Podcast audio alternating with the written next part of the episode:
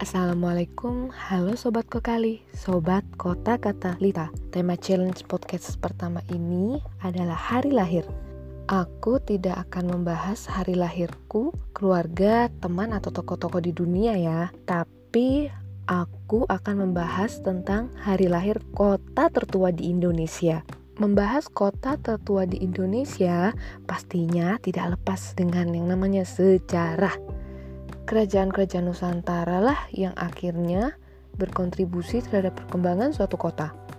Kota tertua di Indonesia adalah kota Palembang di Sumatera Selatan. Kita tahu kan kalau masyarakat kerajaan Sriwijaya pada zaman dulu bermukim di sekitar Sungai Musi, Palembang ini. Menurut prasasti Kedukan Bukit, hari lahir Palembang ini tanggal 16 Juni 683 Masehi. Jadi sekarang kalau dihitung-hitung usianya sudah 1337. Wow, tua banget. Uniknya, Palembang ini juga termasuk dalam 5 kota tertua di dunia loh. Keren sekali. Kemudian Sejak tahun 1972, perayaan hari lahir Palembang ditetapkan dalam SK Wali Kota menjadi tanggal 17 Juni. Kenapa jadi satu hari lebih lambat ya? Karena tanggal 17 itu dianggap sebagai angka sakral 17 Agustus, 17 rokaat dalam sholat wajib umat Islam. Sebenarnya sih 17 itu biar lebih mudah diingat sama wali kota waktu itu.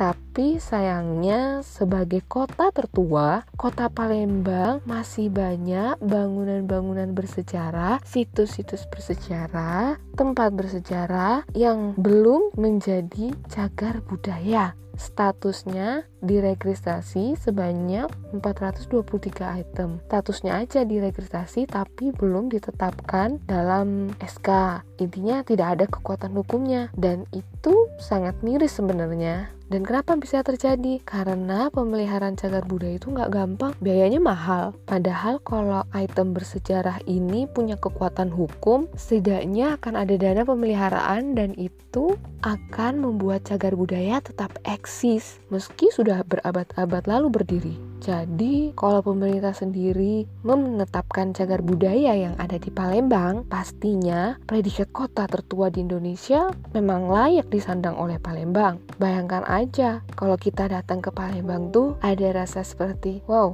aku kayak berada di masa lalu karena bangunan tuanya, kawasan, situsnya, peninggalan bersejarahnya dirawat dan identitas masa lalu nggak hilang gitu. Oke, itu sekian pembahasan tentang hari lahir untuk tema challenge berikutnya ditunggu besok ya. Bye. Assalamualaikum warahmatullahi wabarakatuh.